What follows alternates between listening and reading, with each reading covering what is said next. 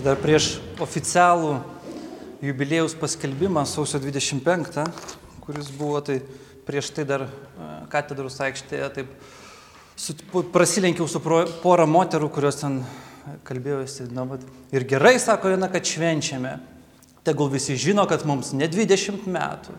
Na, tai, tai iš ties galiu pritarti, kad gerai, kad švenčiam ir, ir nors jau praėjo jau kovo mėno, antras mėno praėjo, jau tų renginių atrodo vis mažiau ir mažiau, bet smagu, kad vat, biblioteka organizuoja tokias paskaitėlės, pa, pažintinės ir turim ir gražią parodą. Tad e, gera proga, kol dar nėra labai karšta, susirinkti ir pasigilinti į seno Vilnius istoriją. Taigi, Kas bent kiek susidūrė su senojo Vilniaus istorija, norom nenorom, turėjo susidurti su daugia taučių, daugia religinių ar daugia konfesinių miestų. Miesto įvairovė, tas multi daugia, yra išskirtinis Lietuvos didžiosios kunigaikštystės sostinės bruožas. Vargu ar berasime kitą panašų Lietuvos miestą. Šiandien kiek plačiau paliesiu daugia taučio Vilniaus klausimą Jau daugiau kaip 15 metų gyvenu sostinėje ir manęs jau nebestebina žmonių įvairovė. Turiu draugą amerikietį, argentinietį, čilietį, italą, ispaną, net farerietį iš Farerų salų, kuris čia sukūrė šeimą ir apsigyveno. Nekalbu jau apie pažįstamus Lenkus, Rusus, Baltarusius, Ukrainiečius. Ir nebejoju, kad kiekvienas iš čia esančių galėtų šį sąrašą dar prailginti. Šios sostinės savitumas turi gilės istorinės šaknis, apie kurias šiandien byloja ir kai kurių gatvių pavadinimai. Štai netoli, turime netoli Rotušės Vokiečių gatvę, kiek toliau yra Žydų ir Totorių gatvės. Neseniai viešoje erdvėje nuskambėjo Rusų gatvės pavadinimas ir iniciatyva ją pakeisti. Ir mano nuomonė, aišku, Rusų gatvės pavadinimas yra neteisingas arba klaidingas. Galėtų būti Rusėnų gatvė, jeigu norėtume pabrėžti čia gyvenusius slavus tačiatikius ar unitus, bet istoriškai teisingiausia būtų šiai gatvėje gražinti jos tikrai pavadinimą - skaičiausios Dievo motinos arba Dievo motinos ėmimo į dangų gatvė, vedusi link stačiatikių katedros ir todėl taip ilgus šimtmečius vadinta. Kviečiu nukreipti žvilgsnį į daugia taučio miesto ištakas. Šiemet minime 700 metų jubiliejų, kuomet Vilnius pirmą kartą minimas istoriniuose šaltiniuose. Ir 1320 3 metų sausio 25 dieną Lietuvos didysis kunigaikštis Gediminas savo laiške kviečia krikščionis pirklius, žemdirbius, karius amatininkus, dvasininkus iš vakarų Europos, ypač iš Liubeko, Bremeno, Magdeburgo, Kelno ir kitų miestų. Citatos pradžia. Atverėme mūsų žemę, valdas ir karalystę kiekvienam geros valios žmogui - kariams, riteriams, ginklanešiams, pirkliams, valstiečiams, kalviams, račiams, kurpiams, kailėdirbiams, malūnininkams, smuklininkams, bet kokiems amatininkams. Citatos pabaiga. Atrodo, Gedimino kvietimas neliko be atgarsio. Jo valdymo metais vyko dideli fortifikaciniai darbai ir iškilo tiems laikams įspūdinga būrinė žemutinė pilis. Greičiausiai jos statybos darbus vykdė irgi amatininkai atvykę iš minėtų vokiškų miestų. Tuo metu šalia vietinių pagonių baltų Vilniuje buvo katalikų pranciškonų vienuolių bažnyčia, kur bendrai maldai galėjo rinktis atvykėliai amatininkai ir pirkliai, pastarųjų daugiausia turėjo būti iš Rygos miesto. Na ir mieste jau galėjo būti ir stačiatikių slavų bendruomenės užuomasga - karo belaisviai ar atvykėliai iš rytinių LDK žemė. Tad, tad nors neturime daug istorinių šaltinių, tačiau jau Gedimino laikų Vilnius galėjo būti iš ties pakankamai margas senojo Vilniaus daugiatautiškumą, svarbesni mano nuomonė kiti du miesto istorijos lūžiai, daug geriau atsispindintis ir istoriniuose šaltiniuose. Tai visų pirmasis XIV amžiaus pabaigos lūžis, lūžinis momentas, tai krikšto prieimimas, o antrasis XVI amžiaus antros pusės, XVII amžiaus pradžios lūžis, kuomet Vilnius tapo daugia taučių ir daugia kultūrių miestų tiesioginė šio žodžio prasme.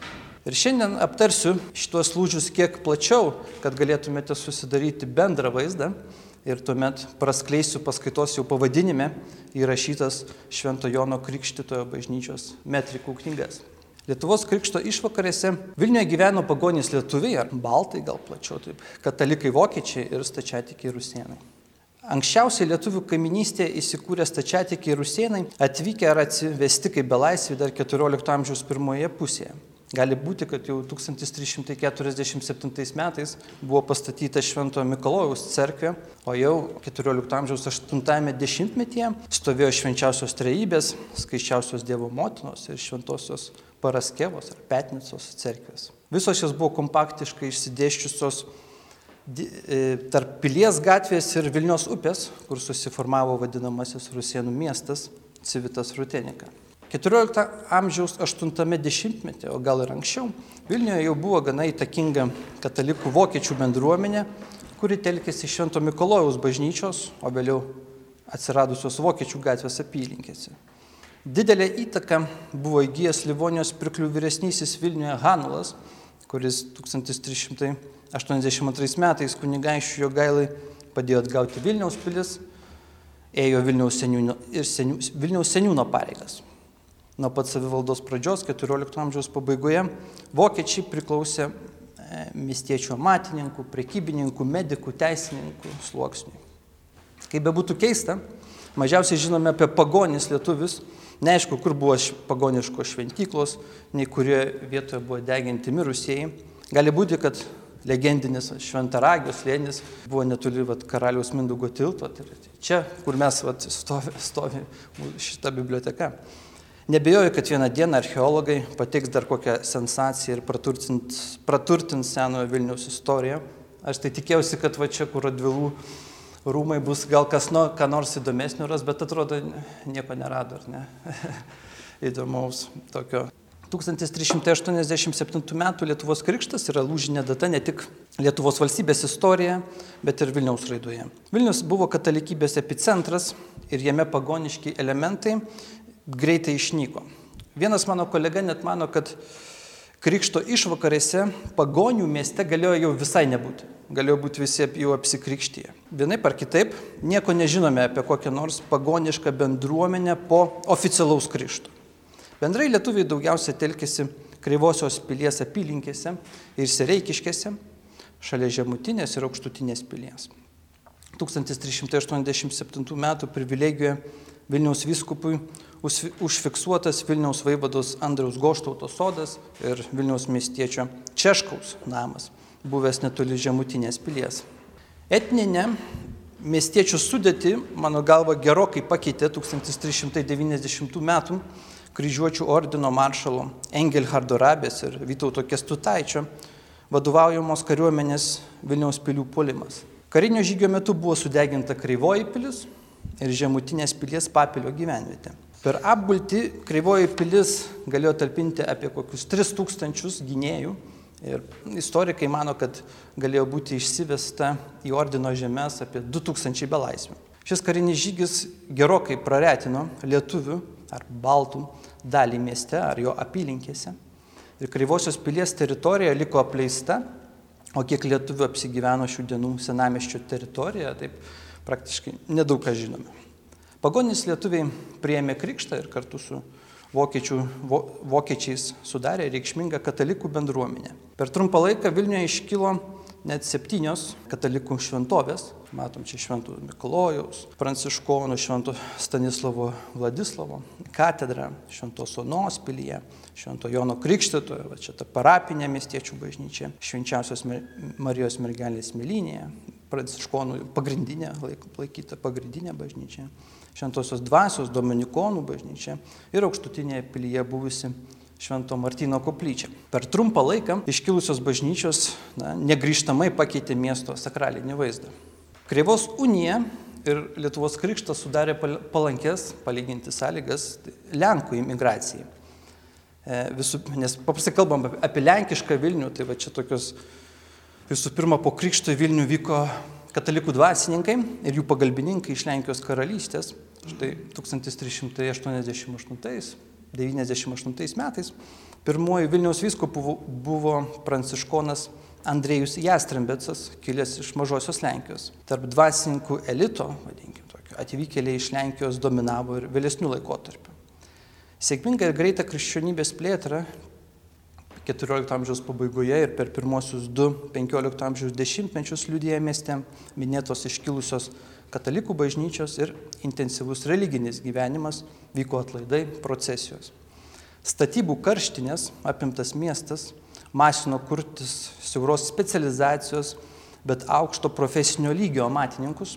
Geriausios sąlygos jiems atvykti buvo iš Lenkijos karalystės miestų e, ar ir ordino žemė. Tačiau išsamesnių istorinių duomenų apie didesnius atvykėlius, amati, atvykėlių amatininkus rautus, būtent kad atvyktų iš Lenkijos, kad čia vat, ar miestas va tada lenkėtų labiau, ar kažką, tai kaip ir na, mes neturim, tokių duomenų neturim. Taigi 14 amžiaus pabaigoje, 15 amžiaus pradžioje Vilnius tapo krikščioniškų miestų, kuriame gyveno dvi krikščioniškos bendruomenės, tai pirmoji katalikai, lietuviai, vokiečiai, daugiausiai iš Livonijos, lenkai.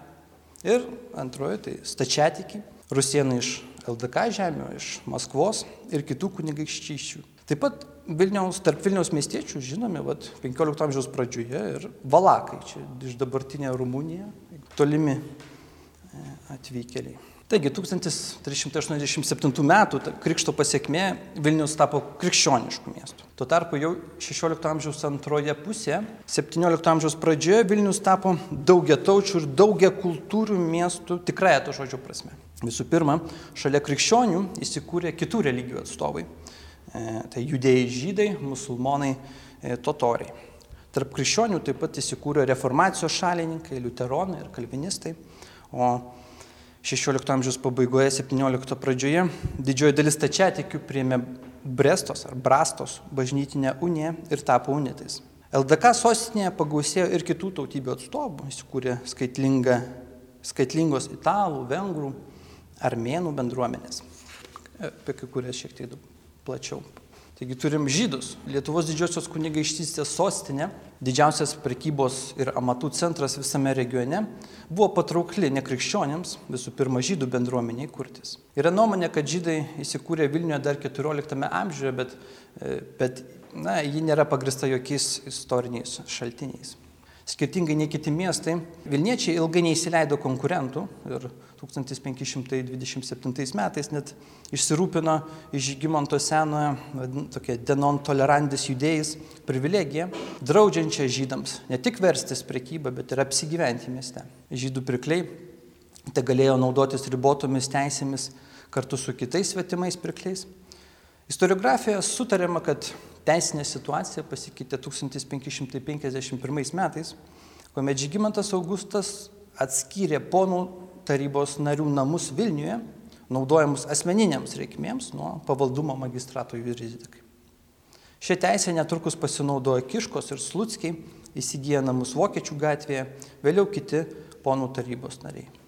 Tokių namų Vilniuje daugėjo ir juose kūrėsi nuomininkai žydai, kurie naudojasi mūrnamių savininkų lengvatomis. Jau 16 amžiaus 60-metyje teismų bylose fiksuojami ir eiliniai žydai, Vilniuje nuomojasi būtus ir vertėsi smulkiais amatais.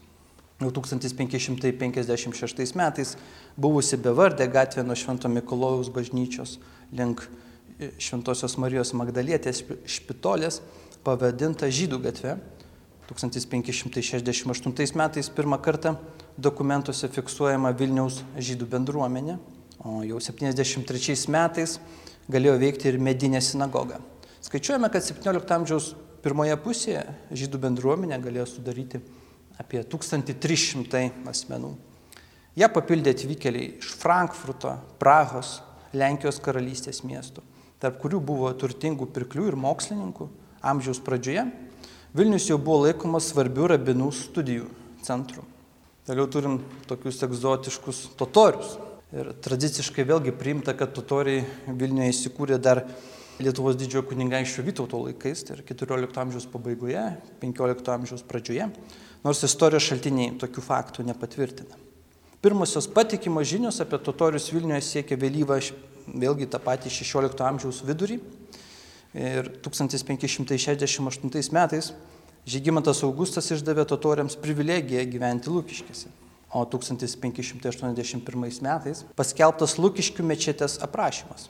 Vilniaus totoriai gyveno ramiai ir neužfiksuota jokių išpolių prieš juos. Pagrindinis totorių užsiemimas - daržovių ir vaisių auginimas bei jų pardavimas. Taip pat jie prekiavo akmenimis ištrauktais iš Vokės upės, bei buvo žinomi kaip geri vežikai. Vienintelis dalykas, dėl kurio kildavo nesutarimų su miestiečiais, tai buvo odos apdirbimas, nes totoriai garsėjo gebėjimu gerai apdirbti odą, tad odininkų cecho iniciatyva kelis kartų totoriams buvo uždrausta supirkinėti ir pardavinėti Vilniuje neapdirbtą odą. Na ir 17 amžiaus pradžioje musulmonų totorių bendruomenę sudarė vos kokie 200, apie 200 asmenų. Tai visai, visai nedidukė.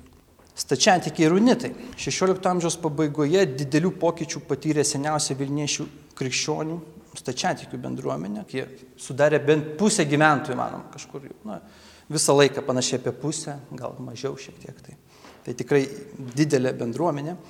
Kaip jau minėtas, stačiatikai Vilniuje apsigyveno 14 amžiuje, o jų kultūros viršūnę galime laikyti 16 amžiuje, kuomet Vilnius tapo rusėnų renesanso centru, jame pradėtos spausdinti knygos rusėnų kalba.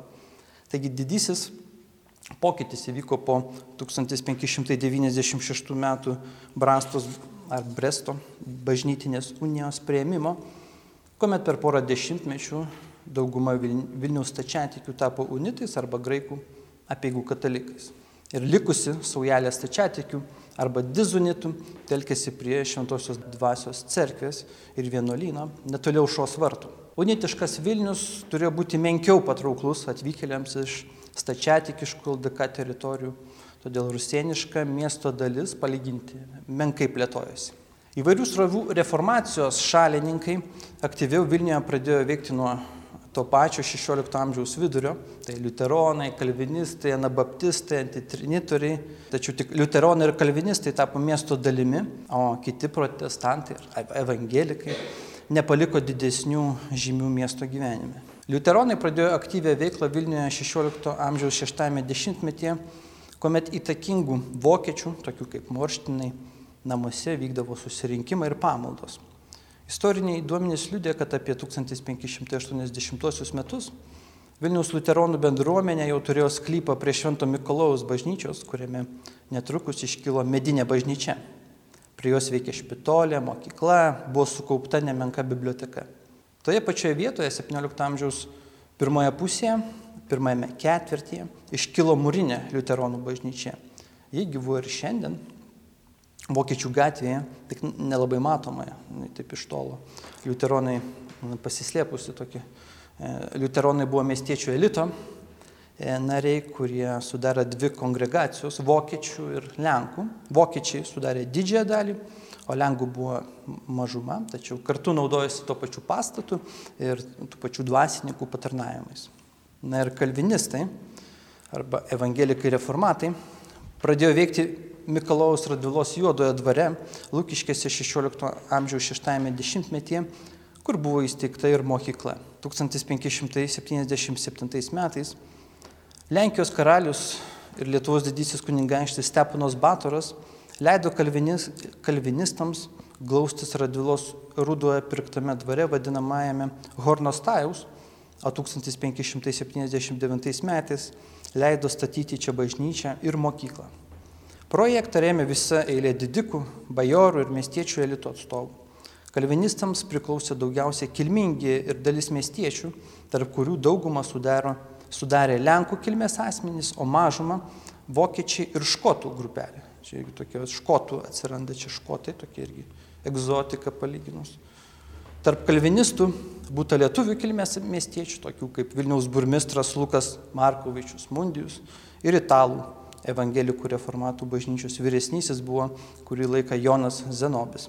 Dar trumpai paminėsiu italų bendruomenę, kuri irgi tokia egzotinė mums. E, daugiau italų apsigyveno Vilniuje dar Lietuvos didžiojo kunigaiščio, Lenkijos karaliaus, Lietuvos didžiojo kunigaiščio Žygimanto Senojo ir Bonos Forsos laikais, o italų pavasarį vadinamas Žygimanto Augusto valdymas, kuomet jis nuo 1543 metų įsikūrė Vilniuje ir atnaujino rezidenciją ir valdovų rūmus pagal paskutinius tuo metu mados šūksnius. Paprastai valdovo dvare italai darbavosi laikinai, tačiau kai kurie savo gyvenimą tvirtai susijęjo su Vilniumi ir net įsigijo jame nekilnojamo turto. Tarp žymė, žymesnių galime paminėti architektą, skulptorių Bernardą Zenobijų Džonatį, architektą Joną Činį ar karalienės numylėtinį Anibalą Bentivolį. 16 amžiaus antroje pusėje jau galime kalbėti ir apie tam tikrą italų bendruomenę, kuomet italai pradėjo figuruoti ir tarp miesto valdančiojo elito narių. Tarėjo ir burmistro pareigas ėjo Jonas Zenobis, suolinko Tomas Bardučias. Vilniečiais galime laikyti pirklius Džaną Zenobį, Lauriną Mariną, vaistininką Florijoną Italą, ar Blochą Italą, turėjusi namą dešiniajame Neries krante. Ir kitus. Italai įsitvirtino tarp mūrininkų ir darbavosi Vilniaus mūrininkų ir stalių ceche, o 16 amžiaus pabaigoje cecho seniūnų buvo italų kilmės, italų kilmės Petras Piligrimas. Tikėtina, kad iki 16 amžiaus vidurio didžioji dalis Vilniuje gyvenusių italų buvo katalikai, e, tačiau po to, tuo metu Italijoje prasidėjus persikėjimu pavienių reformatų sutinkame jau 16 amžiaus pabaigos, 17 amžiaus pradžios Vilniuje. Dar galim paminėti irgi egzotišką armėnų bendruomenę. Žinoma, kad jau 16 amžiuje mieste egzistavo nemaža armėnų bendruomenė ir veikė mokykla. 17 amžiaus pradžioje fiksuojami Vilniuje dirbę armėnų amatininkai, tymininkai, dominikonų, čia matot, dominikonų šventosios dvasios bažnyčioje, turėjo šventosios Marijos Magdalietės altorių. Apibendrinant šią dalį, 16 amžiaus antroje pusėje, 17 amžiaus e, pradžioje, Vilnius išgyveno aukso amžių, tuo metu vyko pačios didžiausios statybos mieste ir miestas virto mūriniu, suklestėjo ir kultūrinis gyvenimas, ką reiškia vien Vilniaus universiteto įsteigimas ir knygų spausdinimas. 16 amžiaus antroje pusėje Vilnius tapo daugia taučių, daugia kultūrių miestų, daugia religinių. Šalia krikščionių bendruomenių įsikūrė judėjai žydai ir musulmonai totoriai, taip pat evangelikų bendruomenės teigė savo bažnyčias ir mieste galėjai sutikti ne tik lietuvių, lenkų, vokiečių rusienų, bet ir atvykėlių italų, vengrų, armėnų, škotų ir kitų tautybių asmenų.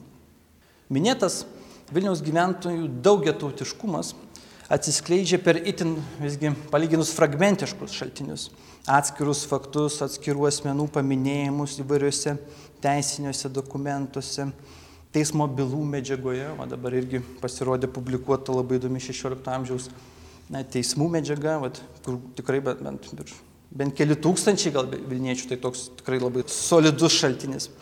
Bet iš esmės neturime tokios statistinės, tokios nuoseklios statistinės kažkokios medžiagos, kuri leistų susidaryti aiškesnį vaizdą apie Vilniečius. Čia vat, paminėsiu vienas pirmųjų, toks ankstyvųjų, tai yra 1566 metų Lukiškių priemešio surašymas su įrašytais kažkur 650 asmenų, tarp kurių aptinkama ir apie 8 procentai lietuviškų ar lietuviškai skambačių asmenvardžių. Pavyzdžiui, Grigas, Rudis, Valalis, Gedraitis, Staniulis, Žvirblis, Nanys, Baibokas, kurie mat, rodo lietuviškos kilmės Vilniečių gausą tarp šio priemeščio gyventojų. Dar kuklesni yra pilies ir katedros kapitulos jurisdikų gyventojų sąrašai. Priminsiu, kad 17 amžiaus viduryje Maskvos kariuomenės okupacijos metu žuvo miesto archyvas. Ir pats miestas buvo nuniokotas, todėl ankstyvasis miesto laikotarpis, vat, iki to 17 amžiaus vidurio, na, yra palyginti menkai dokumentuotas. Ir čia gelbsti unikalus šaltinis, yra 17 amžiaus pradžios, Vilniaus Šventojono Krikšto katalikų bažnyčios metrikų knygos. Turime dviejas - 1602-1615 metų santokos ir 1611-16 metų Krikšto metrikų knygos su 36 tūkstančiais asmenų įrašų. Švento Jono Krikštojo bažnyčia prie universiteto esanti visų Lietuvos didžiosios kunigaikštystės laikotarpiu buvo iš esmės oficialiai vienintelė Vilniečių parapinė bažnyčia. Todėl nuo pat jos įkūrimo pradžios ūkiniais ir administraciniais reikalais rūpinosi Vilniaus magistrato nariai ir kiti įtakingesni miestiečiai, kurie buvo susibūrę į Šventojono Krikščitojo brolyje. Oficialiai Šventojono bažnyčia e, jo, minėjau, vienintelė maistiečių parapinė bažnyčia iki 18 amžiaus pabaigos, bet Mes jau nuo 15 turim ir daugiau bažnyčių, nuo, e, prie, ypač priemišiuose, vat, nu, jau 15 amžiaus pabaigoje atsirado Antakalnėje bažnyčia, 17 amžiaus pirmoje pusėje Rūdininkų, Rasų, Užupio ir Lukiškių priemišiuose, o 17 amžiaus pabaigoje, 18 amžiaus pradžioje ir Subačiaus priemestyje. Šios bažnyčios buvo vienuolynų ar špitolių bažnyčios, tačiau, tačiau didžioji dauguma jų nebejotinai funkcionavo kaip Vilniaus priemeščių parapinės bažnyčios, kur galėjai, galėjai, galėjai gauti ar priimti visus sakramentus, tuoktis, krikštyti vaikus ir panašiai. Tad realiai Šventojono Krikšto bažnyčioje tuokėsi ir krikštijo savo vaikus na, tik dalis Vilniečių katalikų. Atkreipsiu dėmesį, kad 14 metų intervale turime net 36 tūkstančius asmenų įrašų. Istorikai skaičiuoja, kad 17 amžiaus pirmoje pusėje Vilniuje galėjo būti apie 20-25 tūkstančiai gyventojų, palyginimui Krokuvoje 35 tūkstančiai. Ir labai keista, kad bendant nustatyti Vilniaus gyventojų skaičių, niekas nesirėmė ir neanalizavo Šventojono Krikštojo knygų, kny, šių knygų. Jos čia, at, jos žinomos jau seniai tos knygos, čia nėra naujiena, čia nėra mano kažkoks atradimas ar kažkas. Tai. Ir juose 30, yra 30 tūkstančiai asmenų įrašų. Aišku, pabrėšiu, ne asmenų, o asmenų įrašų. Tai, e, tai realiai asmenų yra gerokai mažiau, nes tie patys galėjo būti rašyti kelis ar net keliolika kartų. Pavyzdžiui, Vilniaus burmistras Valentas Šikutavičius Vien santokos metrikų knygoje minima 16 kartų, tiek kartų buvo santokos liudytojų, toks aktyvus, aktyvus veikėjas. Knygų įrašų skurdumas neleidžia tiksliai pasakyti, kiek asmenų minima, tačiau na, turiu idėją bent iš dalies apskaičiuoti bei pateikti bent preliminarų tokį skaičių. Vienaip ar kitaip kalbame apie keliasdešimt tūkstančių vien katalikų. Įrašuose yra unitų ir stačiatikių bet tik labai nedidelė dalis jie tarp liudytojų būdavo, galime sutikti. Ir pastarųjų, o pastarųjų, kaip minėjau, stačiatikių unitų galėjo būti bent pusė gyventojų, miesto pusė gyventojų. Jei turėsime galvoje, kad Švento Jono Krikštitojo bažnyčios parapija apėmė tik dalį miesto, plus minėti unitai stačiatikiai, apie tūkstantis evangelikų, apie 1300 žydų, 200 totorių, tai tie minėti 20-25 tūkstančiai. Mano nuomonė atrodo labai toks minimalus gyventojų skaičius, bet palikim skaičiavimus ateičiai ir šioje srityje tikrai galima dar nemažai nuveikti.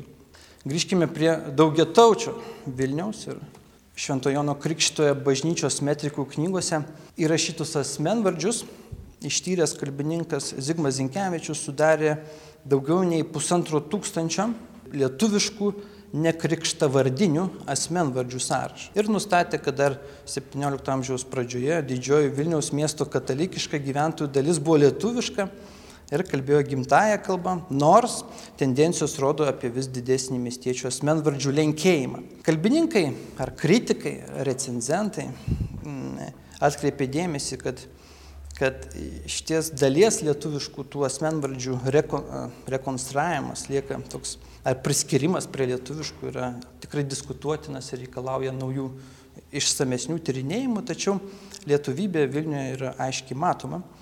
Ir iš ties, iš lietuviškų asmenvardžių, tikrai ten nėra pusantro tūkstančio e, tų skirtingų asmenvardžių ir, ir tą sąrašą, sąrašą reiktų gerokai koreguoti, kiek, kiek e, esu susipažinęs su juo.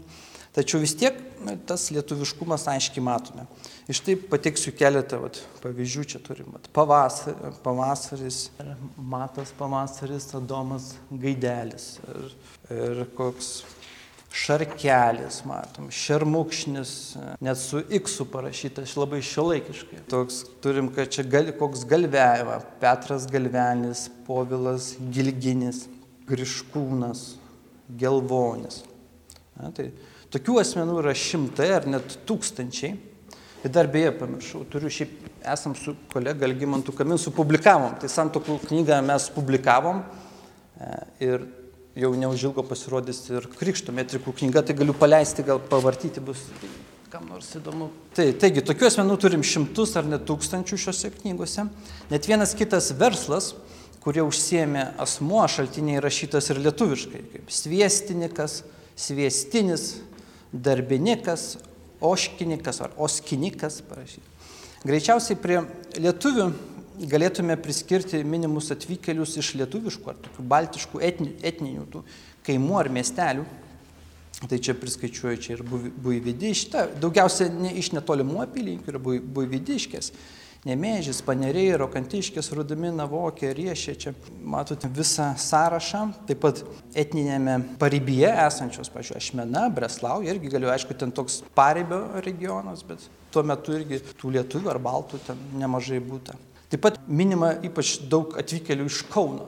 Čia vakar kaip tik klausiau profesoriaus e, Keupos, jis parašė antrą tomą, e, dabar e, Kauno istorijos, ar ten tikrai, va, jeigu iš lietuviai, kiek ten tų lietuvių, sako. Tai didžioji dauguma, aišku, ko nebuvo, sako, pagal ir lietuviai, tik 10 procentų kažkur vokiečiai buvo. Tai, nu, gali būti. Bet daugiausia, manytina, kad va, turim tų kauniečių, atvykėlių kauniečių. Va. Atskirai galime paminėti žemaičiai. Minėtini šaltiniuose turėjo tokį prievatį, žemaitis ar žemaitėlis ir įvairiausias formas. Ir bendrai metrikų knygose apie asmenų tautybę byloja asmenvardžiai ir prievardžiai, kurie nurodo tautinę ar tautybę ar atvykėlio vietą. Aišku, mes tiksliai negalim pasakyti, ar čia tikrai lietuvis, ar tas tikrai jau tikrai, tikrai lenkas, ar, ar vokietis, ar čia iškraipyta pavardė, arba na, ir panašiai, nes kartais tos pavardės net būdavo išverčiamos. Galima rašyti koks šermukšnis ir išversta į, lenkų kalbą. Ir tas pats asmo. Tai, tai visai, visai galima aptikti.